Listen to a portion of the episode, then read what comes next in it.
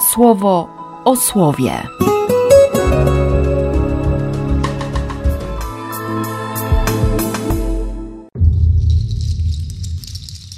4 grudnia, sobota. I tłumaczenie z Septuaginty robi mi dziś dzień, jeśli chodzi o 30 rozdział Księgi Zajasza.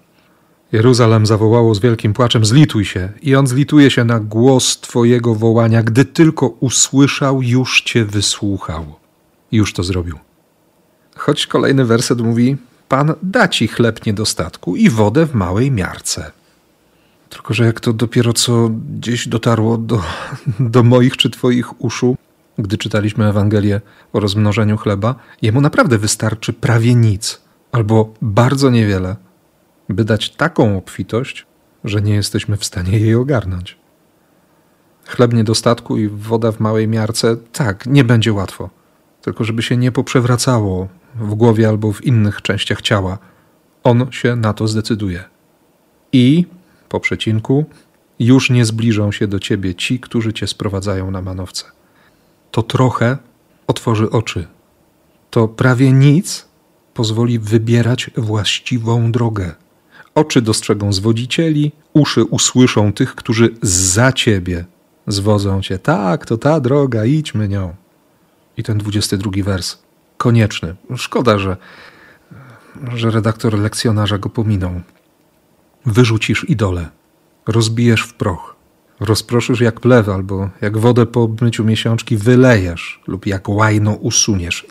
Tak, to, to trudne słowo, trochę jakby nieestetyczne.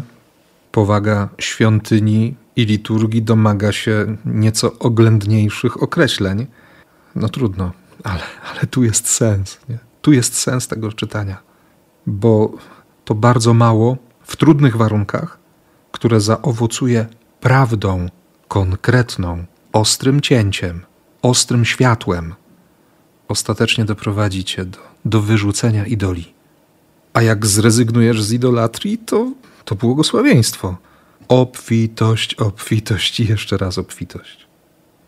I wtedy Pan uleczy złamania swego ludu. Usunie Twój ból po uderzeniach. Pewnie dla, dla Judy, dla Jerozolimy, dla Izraela to było bardzo ważne słowo. Obietnica na tamten czas, wolność, która zaczyna się dziać.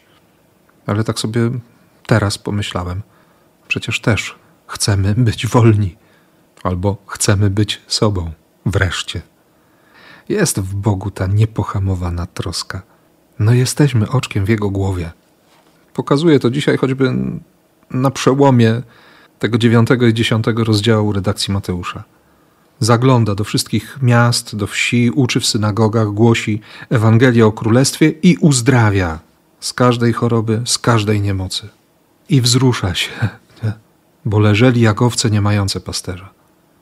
Bierze tę wspaniałą czy parszywą, ale, ale jednak swoją dwunastkę, daje im władzę, wysyła po dwóch, przynajmniej tak Mateusz zapisze, i da im nakaz, to jest, to jest rozkaz. Idźcie i głoście, mówiąc już blisko jest Królestwo Niebieskie, uzdrawiajcie, wskrzeszajcie, oczyszczajcie, usuwajcie. Rano w czasie Eucharystii pomyślałem sobie, że, że, że najpierw tę Ewangelię trzeba ogłosić samemu sobie. Mocą Jezusa uzdrawiać własną niemoc, wskrzesić to, co umarło, oczyścić ten wewnętrzny trąd, moją niechęć, nieumiejętność e, nie tylko spojrzenia w lustro, ale czasami spojrzenia w serce, tę niezgodę na ofiarowanie sobie przebaczenia. Usunąć wreszcie te demony, które ciągle się łaszą i, i udają, że mogą być jak pieski na smyczy, ale kiedy tylko nadarzy się okazja, to, to pociągną i popędzą takim galopem, że, że się nie zatrzymam. Nie? Po to Jezus daje tę władzę. Żebyśmy dziś dali sobie szansę, okazję, możliwość ogłoszenia Ewangelii i doświadczenia mocy Jego słowa. Zatem na ten czas głoszenia i co by też oczy, serce, ręce były na tyle otwarte, by przyjąć łaskę, błogosławię w imię Ojca i Syna i Ducha Świętego. Amen. Słowo o słowie.